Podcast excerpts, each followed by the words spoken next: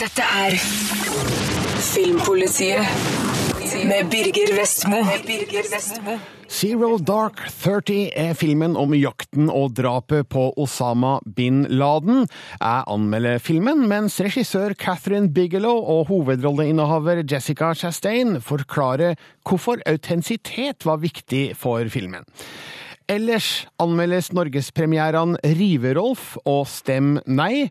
Du får førsteinntrykka av det nye spillet Dead Space 3.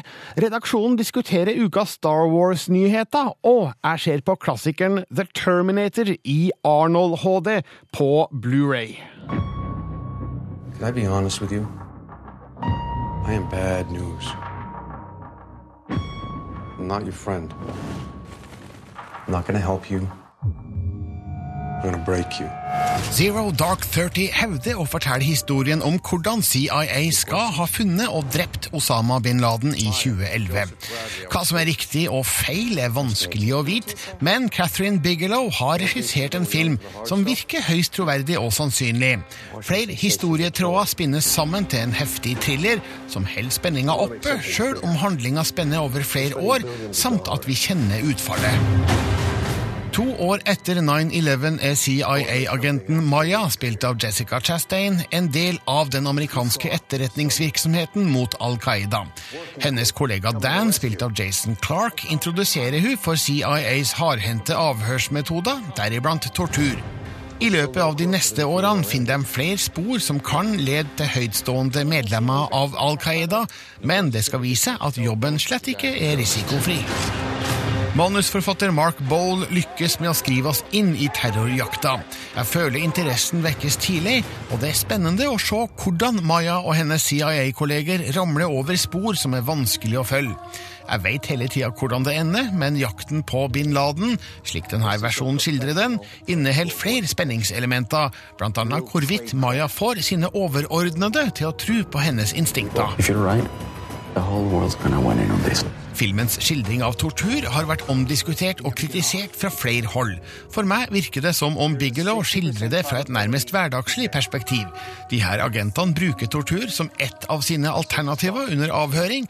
De føler det er nødvendig for å kunne utføre sine oppgaver. De ser det ikke som sin jobb å ta stilling til etikk og moral. Sjølsagt vekker slikt debatt. Dyktige Jessica Chastain er et solid midtpunkt. Som ung, ambisiøs og målretta kvinne i et brutalt og mannsdominert miljø kan hun på mange måter minne om Clarice Starling i Nattsvermeren. Gode skuespillere som Jason Clark, Kyle Chandler, Joel Edgerton og James Gandolfini holder tritt med hun. Og filmens klimaks er et effektivt filma stykke CIA-historie, som, troverdig eller ei, kommer til samme resultat som CIA hevder den virkelige operasjonen hadde. Jeg sier hevde fordi vi har jo ikke sett et eneste bevis på at Osama bin Laden faktisk ble drept av amerikanske Navy Seals-soldater. Men om det skjedde, er Zero Dark Thirty en ganske sannsynlig beretning om hvordan det gikk til.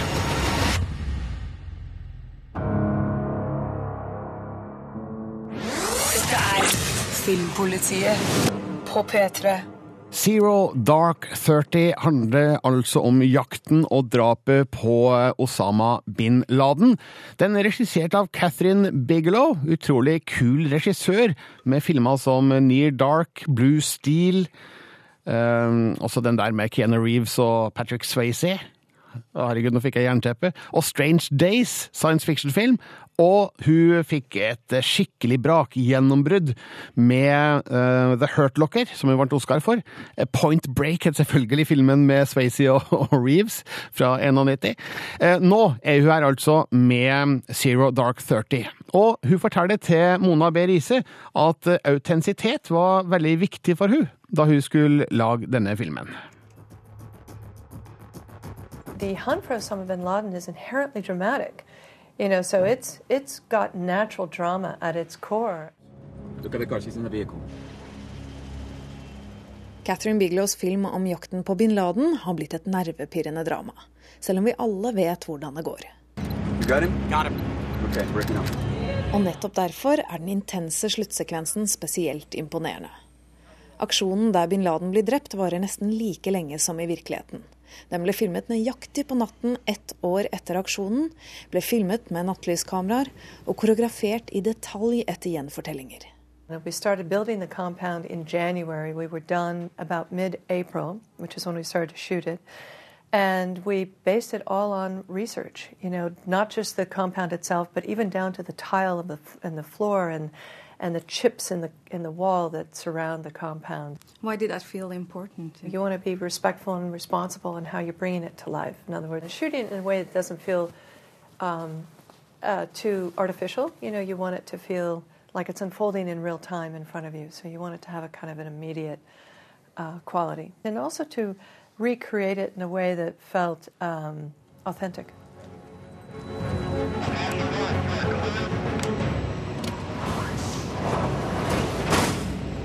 Movie is based on first-hand accounts, so so it's very faithful to the research. Ektheten følte også Jessica Chastain på kroppen. Zero Dark Thirty fortelles i hovedsak av CIA-agenten Maya, og som resten av karakterene er hun basert på en virkelig person. Yeah, it was a great responsibility because this is a true story of this woman. And the thing, because she's an active CIA agent, she can't come out and take credit for this amazing thing that she did and the sacrifices she made. I mean, she gave herself to her work completely. Very simply, is he there, yes or no? 100% he's there. Og Jessica Chastain har fått mye oppmerksomhet for sin tolkning av Maya. Med glitrende kritikker og Oscar-nominasjon for rollen som hun ikke la fra seg under opptak. I was starting to feel really like in it because we were on the other side of the world, and I asked the propsman to make me copies of all you know, the photos that Maya looks at. She, you know, every day she's looking at those photos of terrorists, and and I thought, well, I, and then I, I hung them in my hotel room. So when even when I wasn't on set, I'd come home and I would always see it. So it would always be a reminder. So I could experience what that would have been like to play a, a woman who never was able to go home and have a space away from the work. Autentisiteten har faktisk blitt et problem for Zero Dark Thirty. Noen mener de har mottatt hemmeligstemplede dokumenter om raidet mot bin Laden. Og filmen har også fått hard kritikk for de lange torturscenene, og fra de som mener at filmen er med på å legitimere bruk av tortur. I, I wouldn't have wanted to make this movie if it wasn't like that. They didn't have a, an agenda. They didn't want to do make a propaganda film. They just wanted to tell the story as accurately as possible, and that includes putting the stuff in there that's not very um, easy to watch, including the torture stuff. Uh, um, but if they had left it out, it would have made the movie a lie. They had to include everything. Det sa skuespiller Jessica Chastain, som altså har hovedrollen i premierefilmen Zero Dark Thirty.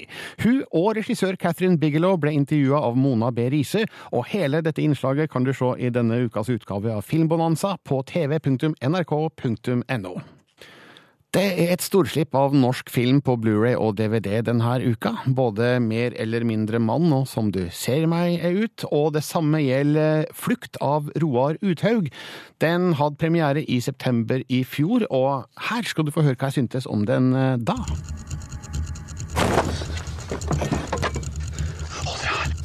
Norges spektakulære natur utnyttes på forbilledlig vis i regissør Roar Uthaugs villmarksactionfilm Flukt. Fjellheimen er et flott bakteppe for den noe knappe handlinga, som fortelles i løpet av 75 korte minutter. Jeg hadde ønska et sterkere fokus på figurene i filmen, spesielt den unge heltinna Signe. Hennes forvandling fra uskyldig ungjente til drapsmaskin skjer i overkant kjapt. Men filmen underholder godt og har en iskald Ingrid Bolse Berdal i en tøff skurkerolle. Midt på 1300-tallet blir unge Signe, spilt av Isabel Kristine Andreassen, tatt til fange av røvere i fjellet. Bandelederen Dagmar, spilt av Bolse Berdal, har spesielle planer for hun, men hun blir satt fri av Frigg, spilt av Milla Olin, som Dagmar anser som sin datter. De to jentene legger ut på flukt over fjell og daler med farlige menn og ei hevnlysten kvinne i hælene. Finn dem. Historien er omtrent så enkelt som den eh, kan bli. Flykt eller dø. Signe har bare ett alternativ, men hvordan hun samler motet til å utføre de eh, nødvendige handlingene, blir ikke godt nok skildra. Samtidig foregår det interessante ting under overflaten, som årsakene til Dagmars morsfølelse, og hvorfor Frigg bestemmer seg for å flykte. Jeg føler likevel at det blir knapt med dialog til å forklare og utdype figurene. Jeg blir aldri kjent med dem. Kanskje er det her droppa i Thomas Moldesas manus til fordel for å holde farten opp i handlinga, men jeg savner mer kjøtt på beinet. Hver gang at hun prøver seg på noen ting, så skal du kappe av en finger. Bildene, lyden og musikken er av svært god kvalitet. Jon Christian Rosenlunds linse fanger inn flukten i urørt natur med sterke høstfarger. Hugo Ekornes har lydlagt det her mesterlig med fokus på naturlige effekter. Og Magnus Beites evokative toner understreker dramatikken og handlingens sorgfulle sider. Flukt har det vi kan kalle høy production value, og Roar Uthaug bruker det her til å fortelle en kjapp spenningshistorie der norsk natur er det aller beste elementet.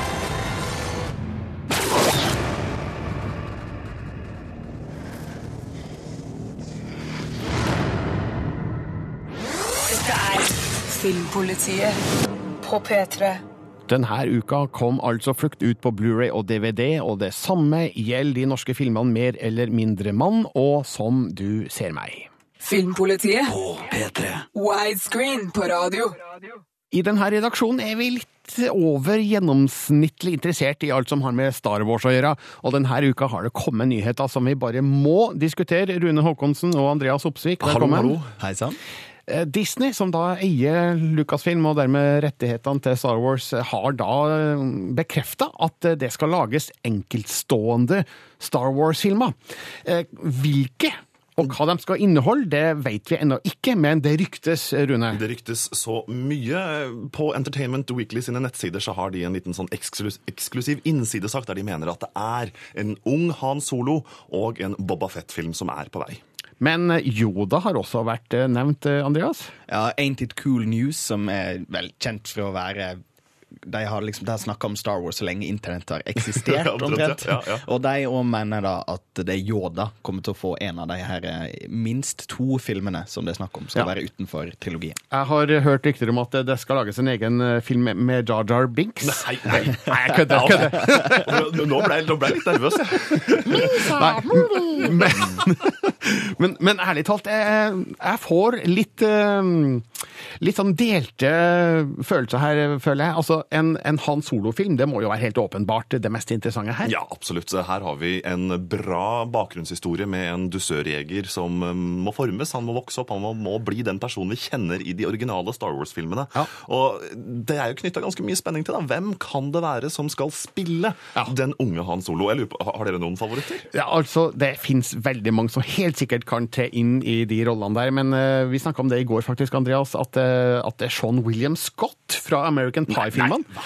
Han har litt sånn Harrison Fordsk utseende. Etter American Pie så kan han virkelig ikke være med i en Star Wars-film. Altså, Men han, han, han, er litt for, han er litt for gammel, det var vi det kom Ja, frem han, til. han, Han er tross alt han er 36. ja, og, og, 36 og Harrison? Ford var, var 35 når han spilte han solo, så kanskje han er litt Så, gammel. ja, vi må nok uh, yngre ned, lenger ned i, i alder. Taylor Lautner, da, er det du tenker på?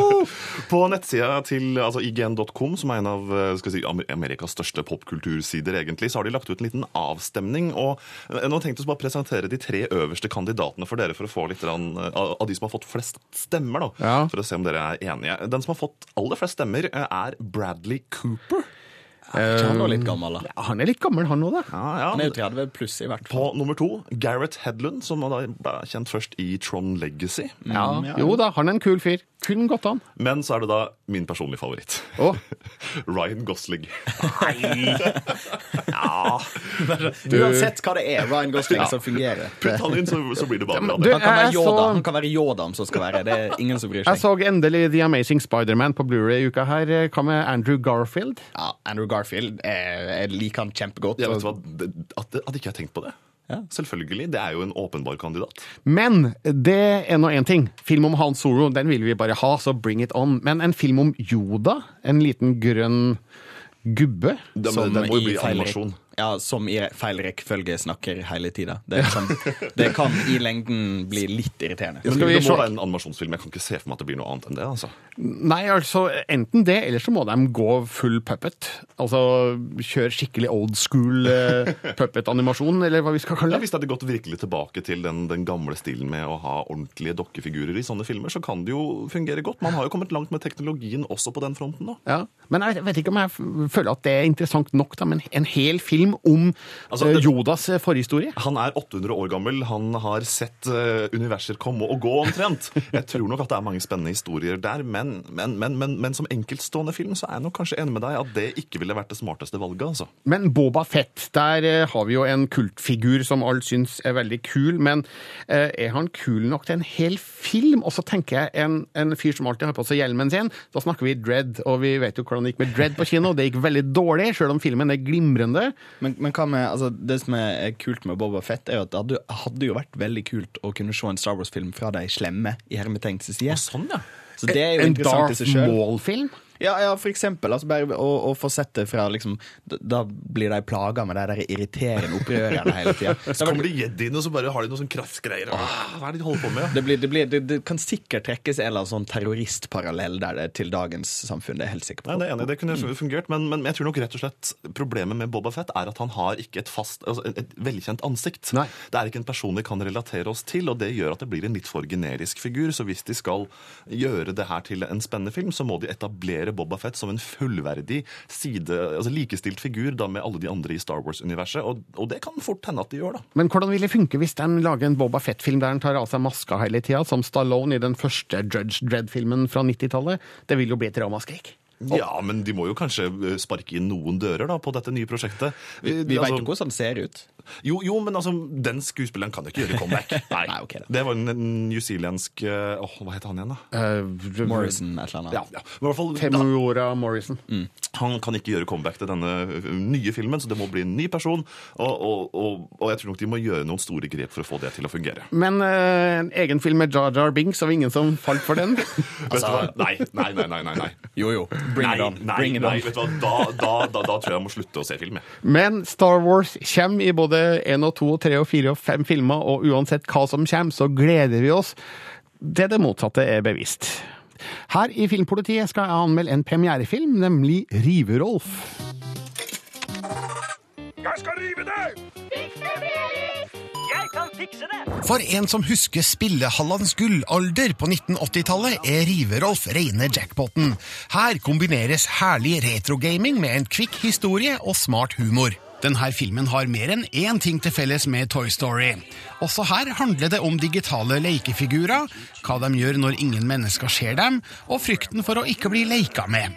Pixars John Lasseter er da også en av produsentene av denne Disney-filmen, som er overraskende god og varmt anbefalt. Jeg har ikke lyst til å være slemming lenger. Når spillehallen stenges, lever spillfigurene sine egne liv bak skjermene. Rive-Rolf er skurken i det gamle arkadespillet Fixit Felix Junior, der han river ned mens helten bygger opp. Men Rive-Rolf er lei av å være slem, og vil bevise at også han kan være helt. Han legger ut på en digital reise gjennom arkadens ulike spill, og finner ut at heltestatusen er vanskeligere å oppnå enn han hadde trodd. Han roter det kraftig til, men får han ordna opp før kontakten trekkes ut av steps, eller? Vi må ordne opp, og jeg trenger din hjelp. Kom igjen, Rolf! Filmen er stappfull av spillreferanser av både ny og eldre dato. Her får vi små og store vink til klassikere som Outrun, Pac-Man, Super Mario, Sonic, Donkey Kong, Street Fighter 2 og mange, mange flere. Noen av referansene er så kjappe at du kanskje må se filmen flere ganger for å få med alt. Men kunnskap om dataspill er ingen nødvendighet for å få utbytte av historien. Det er ikke vanskelig å forstå motivene bak Rive-Rolfs sjølpålagte oppdrag, eller å la seg underholde av hindringene han møter på sin vei gjennom spillene. På en navnløs planet har et topphemmelig eksperiment gått fryktelig galt. Foruten kjente dataspill foregår handlinga òg i noen spesialkomponerte spillverdener som er 100% troverdige og har distinkte særpreg.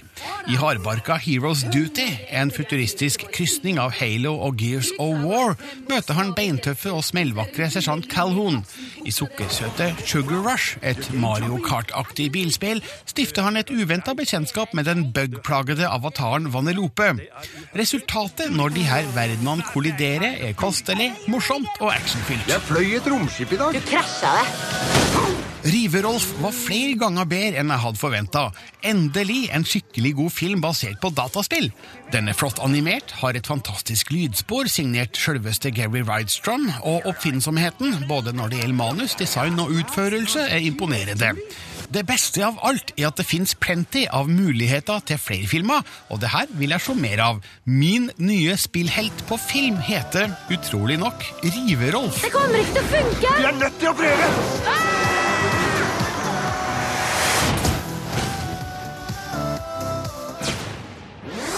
Er Filmpolitiet på P3. Jeg har sett en gammel film på ny Blu-ray. Sarah Connor. Yes.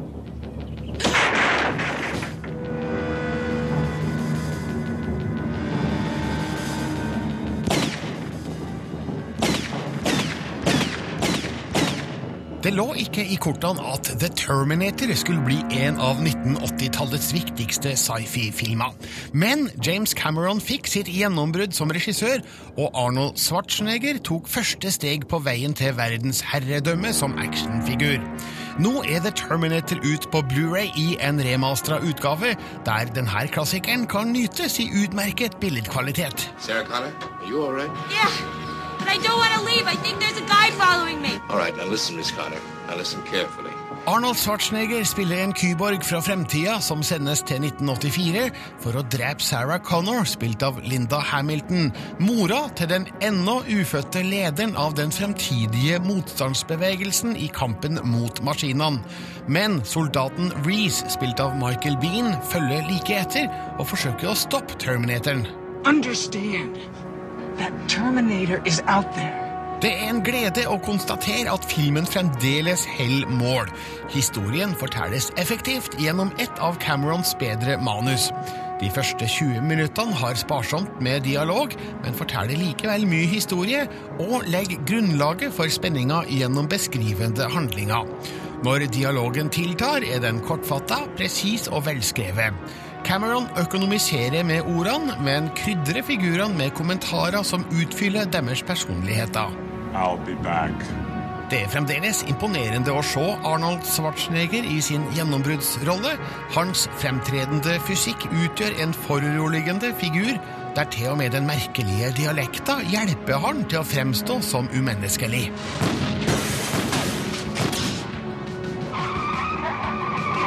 Cameron holder tempoet opp med imponerende god flyt i de mange actionsekvensene, spesielt i bilscener og i skuddvekslinga på politistasjonen. Flere av effektene som brukes, er nok utdaterte, spesielt tydelig i denne krystallklare Blu-ray-utgaven, men jeg føler det knapt kan kritiseres, all den tid vi snakker om en 30 år gammel lavbudsjettsfilm. Billedkvaliteten ellers er rett og slett fantastisk, filmens alder tatt i betraktning. The Terminator er ikke restaurert, men remastera fra et negativ i svært godt stand. Bildet er flott, med solid sortnivå, og filmrullens finkorna struktur intakt. It can't be bargained with. It can't be reasoned with. It doesn't feel pity or remorse or fear. Filmen er en klassiker, og bekrefter hvorfor den fortjener denne statusen på Blu-ray. And it absolutely will not stop. Ever. Until you are dead.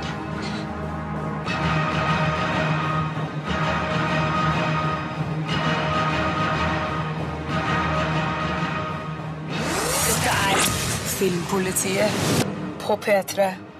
En lengre utgave av denne anmeldelsen finner du på p3.no slash filmpolitiet. Eh, Det er en annen film som kom ut på Blu-ray denne uka, som har eh, lignende tematikk. Det handler om eh, drepende tidsreiser. Filmen er Looper, og det er en film mange så på kino. Hvis du ikke var en av de, har du altså nå sjansen igjen på Blu-ray og DVD. Her er min anmeldelse fra kinopremieren i oktober i fjor. Time travel has not yet been invented, but 30 years from now, it will have been. Elsker tidsreisefilmer og møtte Looper med stor entusiasme. Den var òg til stede etter filmen, men i en litt mildere form. Dette er en morsom og spennende sci-fi-thriller, men som de fleste andre tidsreisefilmer sliter òg Looper med enorme problemer med logikken bak flere tidslinjebrudd. Jeg ble underholdt godt av en levende historie, fortalt med høy energi av regissør Rian Johnson. Jeg skulle bare ønske at den var litt smartere i manuset. So you're me in 30 years. I fremtida er tidsreiser mulig, men forbudt. Det er òg umulig for fremtidsmafiaen å kvitte seg med lik. Derfor sender de sine fiender 30 år tilbake, der de umiddelbart blir drept av spesielle leiemordere kalt loopers. Betalinga er sølvbarer teipa til ofrene. Joe, spilt av Joseph Gordon-Levitt, jobber med flid, helt til den dagen han plutselig står ansikt til ansikt med sitt eldre jeg, spilt av Bruce Willis. Do you know what's gonna happen? You done all this already? As me? I don't want to talk about time travel. Det er mye mer ved denne historien enn det her, men det skal jeg ikke avsløre. Men det er et grunnleggende problem ved historien. Hvorfor tidstransportere fremtidsofrene til et bestemt geografisk punkt der en looper venter med skytevåpen? Dersom noe slår feil, noe det gjør i denne filmen, kan det jo få katastrofale følger for fremtidsskurkene. Offeret kan jo oppsøke dem som barn og drepe dem. Dette fremstår derfor som en høyst usikker metode. Hvorfor ikke tidstransportere ofrene midt ute i Stillehavet i stedet? Men dersom jeg ser bort ifra logiske plotthull, som det er mange av, er det noen besnærende tanker og ideer bak filmens actionfylte handling. Vi befinner oss definitivt i sci-fi-land, der menneskeheten til og med har fått en ny egenskap som skal vise seg å bli et sentralt poeng. Det mest spennende er hvordan unge Joe og gamle Joe forholder seg til hverandre. Hadde jeg møtt meg sjøl, ville jeg kanskje ha behandla meg sjøl med en viss respekt, men her oppstår det en fiendtlig spenning mellom Joe og Joe. We both know how this has to go down. So why don't you do what old men do and die? Why don't you just take your little gun out between your legs and do it? Boy. Manusforfatter og regissør Rian Johnson har laga en god film som ikke vil stå som en påle i tidsreisesjangeren, men som underholder meg tilfredsstillende her og nå. Den har et interessant utseende, som en skitten og slitt krysning av Minority Report og Blade Runner, gode visuelle effekter og et effektivt lydspor. Den kunne vært bedre på manusfronten, men vi har vel til gode å se en tidsreisefilm med bunnsolid logikk, kanskje fordi tidsreiser i seg sjøl er ulogiske.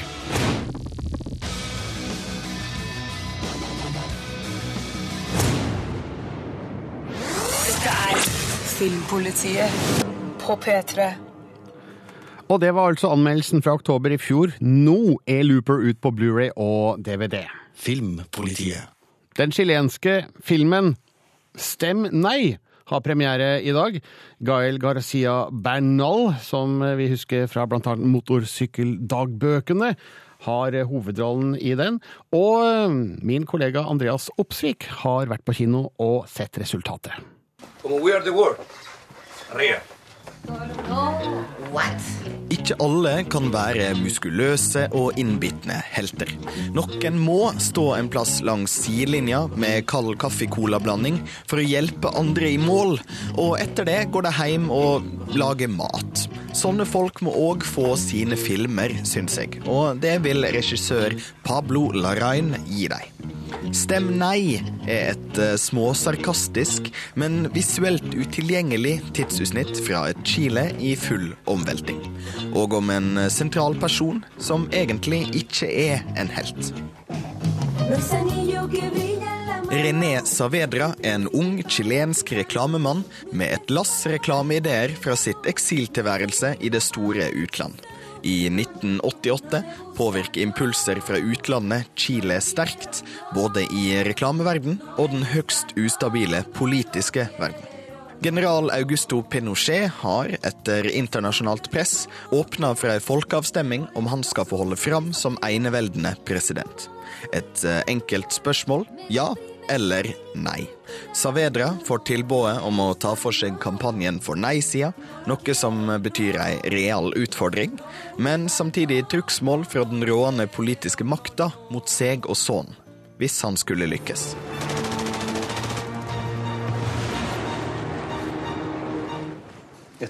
Innimellom et sett med forskjellige skjebner er det artigste samhandlinga mellom René og hans sjef Lucho Guzman som arbeider for ja-sida.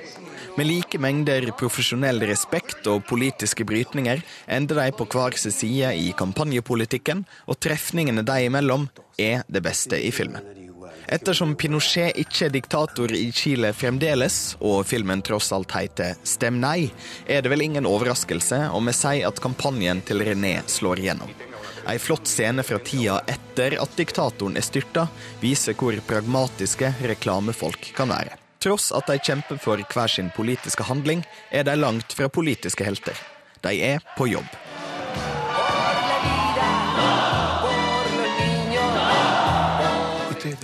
Et ankepunkt mot Stem nei kan være valget om å skape hele filmen på Umatic, en nyhetskamerakassett fra 70-tallet. Regissør Larain har uttalt at det nok er den litt utilgjengelige utseenden som vil hindre Stem nei fra å vinne priser. Han var nok vel pessimistisk. Filmen har i hvert fall blitt nominert til Oscar for beste ikke-engelskspråklige film. Men jeg kan skjønne poenget hans. I en hverdag der sjøl heimelaga YouTube-videoer av katter er i sylskarp HD og widescreen-format, tar det litt tid å bli vant til et format som mest av alt kan minne om TV-bilder fra Berlinmurens fall. Er vi litt bortskjemte? Kanskje. No me gusta, no. Stem nei er ikke helt som Don Drapers maniske jakt på en idé i Mad Men, men den skildrer kjensla om å arbeide fram ideer godt, sjøl om det overskygger det emosjonelle dramaet.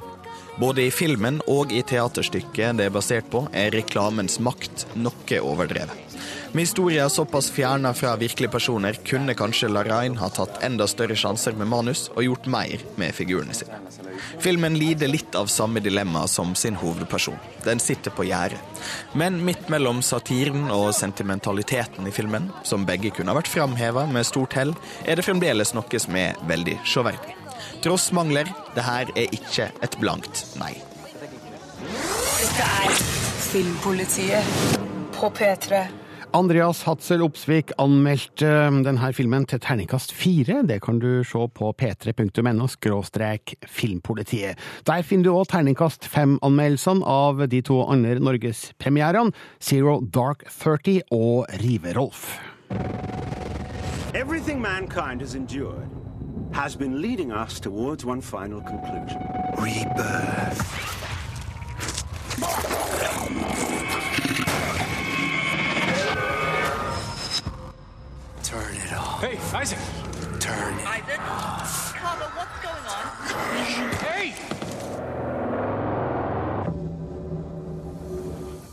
I dag er det release på det nye dataspillet Dead Space 3.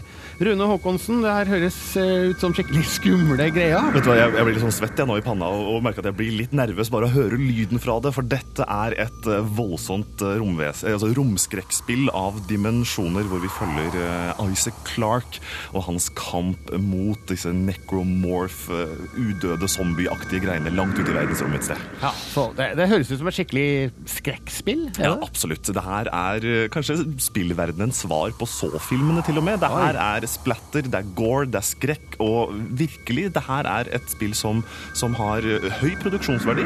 Det ser veldig bra ut, og dertil så ser også effektene veldig grusomme og ekle ut. Anbefales ikke for noen som er lettskremte, som ikke liker synet av liksom, et lite sår eller blod, og i hvert fall ikke til de som er under 18, for dette er heftige saker, rett og slett. Ja, nettopp. Eh, når du spiller et sånt spill, eh, målet må vel være å bli vettaskremt? Ja, det er jo akkurat det, da. Eh, Jeg er litt sånn glad i den, den følelsen jeg får når jeg sitter hjemme i sofaen, og så, og så holder jeg hardere og hardere rundt spillkontrollen, sånn nesten jeg knuser den. Og det er noe av det aller beste i Dead Space 3. Det gir meg den der fryktfølelsen jeg virkelig er på jakt etter, så at jeg sitter og, og, og lever meg så inn i historien. Det er det aller beste med spillet, men det er nå en god del andre ting som gjør at jeg blir litt irritert også. og? For eksempel? Jo, fordi at når du kjøper et spill, du går i butikken, kanskje legger ut sånn 300-400-500-600 kroner til og med for et helt nytt spill, så, så, så, så, så kjøper du et ferdig produkt. Du tror i hvert fall at du gjør det.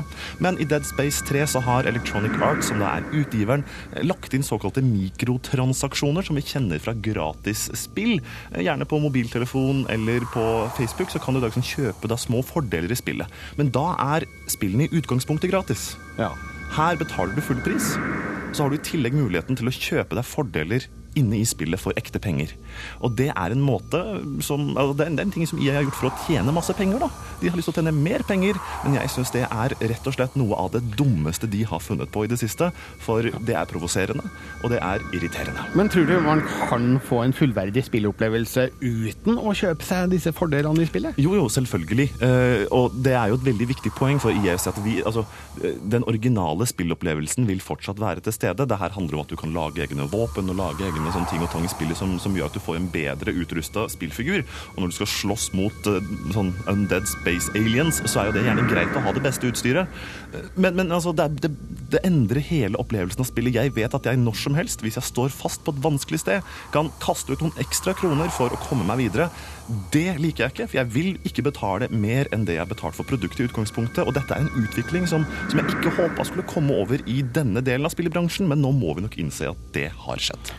Dead Space 3 er altså effektiv sci-fi-splatter, men med en del irriterende sidefunksjoner. Kan vi konkludere sånn, Rune? Vet du hva, Det kan vi konkludere med, og, og, men jeg må understreke, da. Hvis du er glad i skrekkspill, er du glad i science fiction, og du tåler en liten trøkk i magen på grafikken når det blir litt groteskt, så er Dead Space 3 en knallsterk opplevelse. Og spillet har altså release i dag.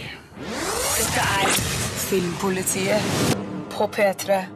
Snabba Cash 2 er fersk på Blu-ray og DVD denne uka. Her er min anmeldelse fra kinopremieren i november.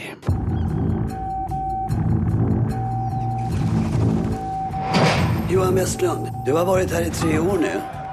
I dag skal du ut på din første ubevakede permisjon. Den innebærer at vi gir deg et stort fortroende, Johan. Om du sviker oss i det fortroendet, kan du regne med reelle straffpåfølgder. Joel Kinnaman er en stigende stjerne. Etter et lite innhopp mot Ryan Reynolds i Safe House er han nå i ferd med å bli den nye Robocop. Først tar han en gjenvisitt til rollen som breaka han internasjonalt, nemlig Gjeve i Snabba Cash. Oppfølgeren, med et totall bak, er en barsk og tett thriller med skarpe prestasjoner av både Kinnaman, Fares Fares og Mathias Varela. Regissør Babak Janafi tilfører en betonggrå intensitet og viser Sveriges skyggeside som nettopp det, en skyggeside. Jeg kan ikke sitte en dag til der inne. Om det er det du tenker gjøre, da vet jeg at det ikke fins noen återvende. Okay?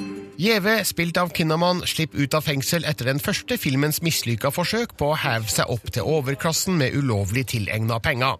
Men når hans nye lovlydige prosjekt faller i grus, legger han en ny plan sammen med cellekameraten Mrado, spilt av Dragomir Mrsic, for å skaffe pengene til livet han føler han har krav på.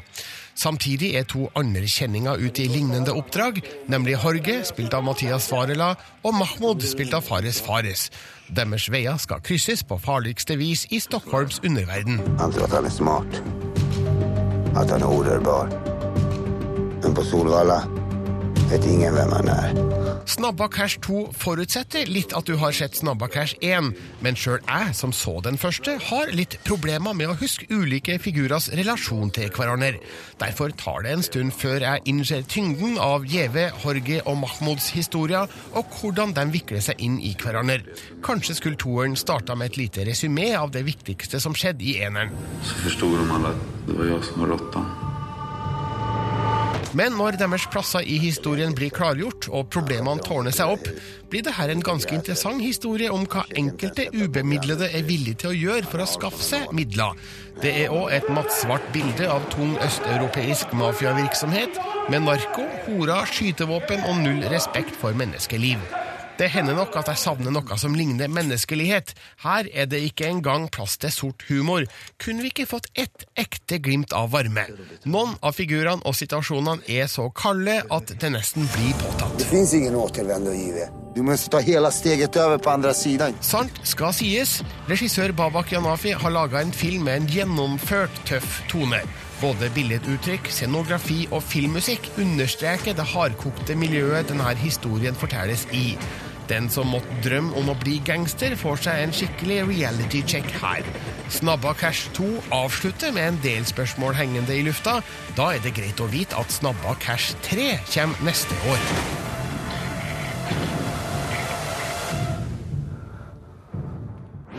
Dette er Filmpolitiet på P3. Filmbonanzas Vegard Larsen har møtt regissøren Babak Nadrafi, som kom til Sverige fra Iran som elleveåring og vokste opp i et tøft miljø i Uppsala, og han forteller at eh, oppveksten inspirerte han i arbeidet med Snabba Cash 2. Karakterene i Snabba Cash 2 er mennesker som jeg har truffet tidligere, for mange, mange, mange år siden. Så jeg, på et sett så hadde jeg ikke altså, behov av å liksom, søke de her plassene, liksom, for mm. på något sätt eh, få en bild av hvordan det er. Det var mye som var ur minnet. När du träffar någon i verkliga livet så är det saker och ting som uppstår spontant. Och oftast är det det som på något sätt är grunden till en berättelse. Mm. Jag tycker det finns mycket större kvalitet i det, liksom, när det, det, det spontana uppstår. Det jag har haft som ett mål med filmen att jag vill göra en film om bad guys. Uh, men jag vill göra också en film där man förstår varför de gör så som de gör. Mm. Uh, och i bästa fall kanske till och med tycka om dem. 100 000? Huh? Är det bra? Nej. 200? Nej. 300 000? Mahmoud? Du skildrer jo vold eh, på en ganske annerledes måte i filmen din. For det er, det er jo ikke eh, polert eller eh, sånn actionstilig i det hele tatt. Hvorfor eh, har du valgt å, å, gjøre det på den måten her? Det finnes et enkelt svar til det, og det er at det er aldri rolig med vold. Um, om jeg skulle gi deg en pistol nå, og så sier jeg til deg vi går ut på gatan og så skal vi skyte gjennom så skulle ikke du kjenne deg cool for at du har en, en heftig pistol i hånden. Utan uh, jeg er helt overbevist om at først og fremst så skulle du kjenne en form av redsel. Det verste jeg vet, liksom, når man ser folk som uh, som är våldsamma och de är bekväma i den rollen. For för mig är det inte en sanning. Liksom. Och återigen, de människorna som, som eh, jag fick träffa liksom, under min uppväxt och sådär, oftast var de väldigt rädda. De, de pratade aldrig om det, så att det skulle kännas åh oh, vad cool jag är eller vad häftigt det var. Utan det var mer en form av desperation liksom. Mm. Känner du vilken makt man har när man har en sån här om man ska tillåta sig själv att vara lite eh, pretentiös så tycker jag det är alltid roligt att försöka ha en röst som blir hörd. Mm. För mig det absolut största belöningen som, som jag skulle få det är att en människa i, i, i Oslo ser Snabba Cash 2 som är precis på, på gränsen till att falla in i destruktivitet, en kriminellt livsstil liksom. Och så efter filmen väljer en annan bana. Det är en ännu större belöning för mig än att göra en film i sig. Liksom. Det sa regissør Babak Najafi om Blu-ray og DVD-aktuelle Snabba Cash 2. Da er dagens Filmpoliti over. Jeg heter Birger Vestmo. Ha en riktig god helg. Dette er Filmpolitiet med Birger Vestmo. Du hører nå en podkast fra NRK P3. Hent flere podkaster fra NRK på nettsiden nrk.no podkast. NRK P3.